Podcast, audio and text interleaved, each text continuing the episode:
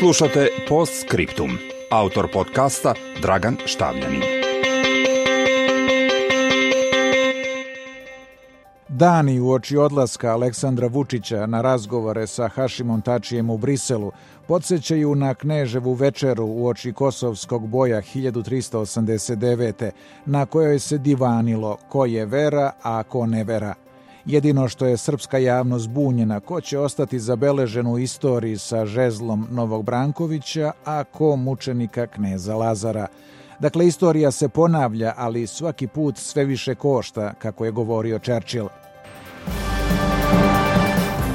I za te megalomanije da je započeo nešto što pre njega niko nije smeo, krije se kontinuitet. Priča o granicama nije priča o suživotu i dobrosusedskim odnosima, već o jačanju etničkih barijera kako bi se Srbija zaštitila od najezde Albanaca. Na tragu kosovskog mita kojim se slavi poraz i danas je na delu samo viktimizacija u kojoj silnici otimaju Kosovo Srbiji. To treba da homogenizuje naciju oko vođe kao moralnog pobednika, kakav god bio ishod, umjesto da ispostavi račun za svoju politiku, uključujući i prema Kosovu. Dakle, drugi će biti krivi za neuspeh i neminovnost da Srbija prihvati realnost na Kosovu.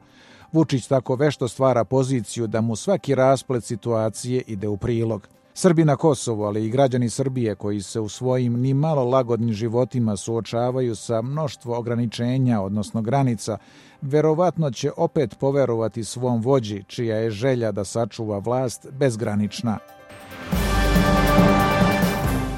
Protivnici promene granica po etničkim linijama smatraju da je to vrlo opasna ideja jer će zapaliti Balkan.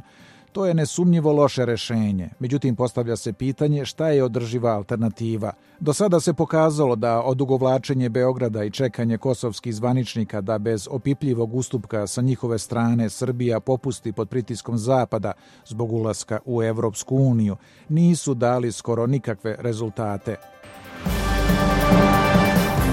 Kakvo god rešenje da se postigne, ono mora da ponudi uverljivi konkretan odgovor kako Srbi i Albanci da normalizuju odnose. Dakle, nije ključno pitanje hoće li biti promene granica, nego da li će taj istorijski sporazum podrazumevati promenu do sadašnje percepcije Srba i Albanaca kao malte ne večnih neprijatelja, te umjesto toga uspostavljanje sveobuhvatnih partnerskih dobrosusedskih odnosa, uključujući mnogo bolji tretman Srba na Kosovu i Albanaca u Srbiji. Bez takvog sporazuma, sa ili bez promene granica, Srbija i Kosovo biće osuđeni na istorijsko lutanje.